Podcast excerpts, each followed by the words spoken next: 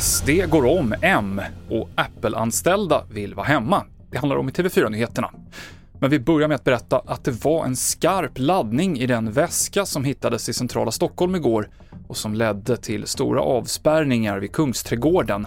Det här är enligt uppgift till Aftonbladet.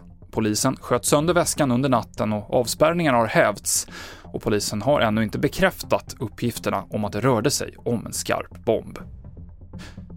Sverigedemokraterna är näst största parti, klart före Moderaterna, i SVT och Novus senaste opinionsundersökning.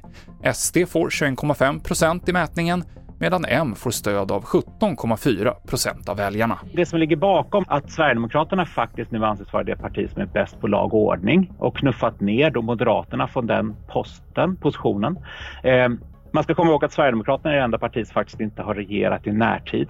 Eh, vi väcktes idag också av, av eh, skjutningar. Eh, så, så, att det här är en väldigt aktuell fråga, lag och ordning. Eh, och eh, där har Sverigedemokraterna, om man nu ska liksom raljera lite, ännu inte gjort bort sig. Torbjörn Sjöström, VD på Novus.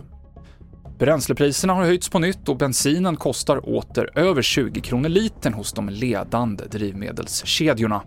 Priset på 95-oktanig bensin har höjts med 20 öre till 20 kronor och 8 öre per liter, medan priset på diesel höjs med 30 öre till 25 kronor och 21 öre per liter.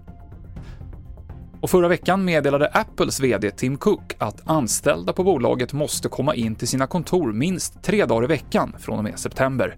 Men det här har fått vissa anställda att protestera, skriver Financial Times. Det har skickats ut en namninsamling med krav på att anställda, tillsammans med närmsta chefen, själva ska få bestämma varifrån de jobbar.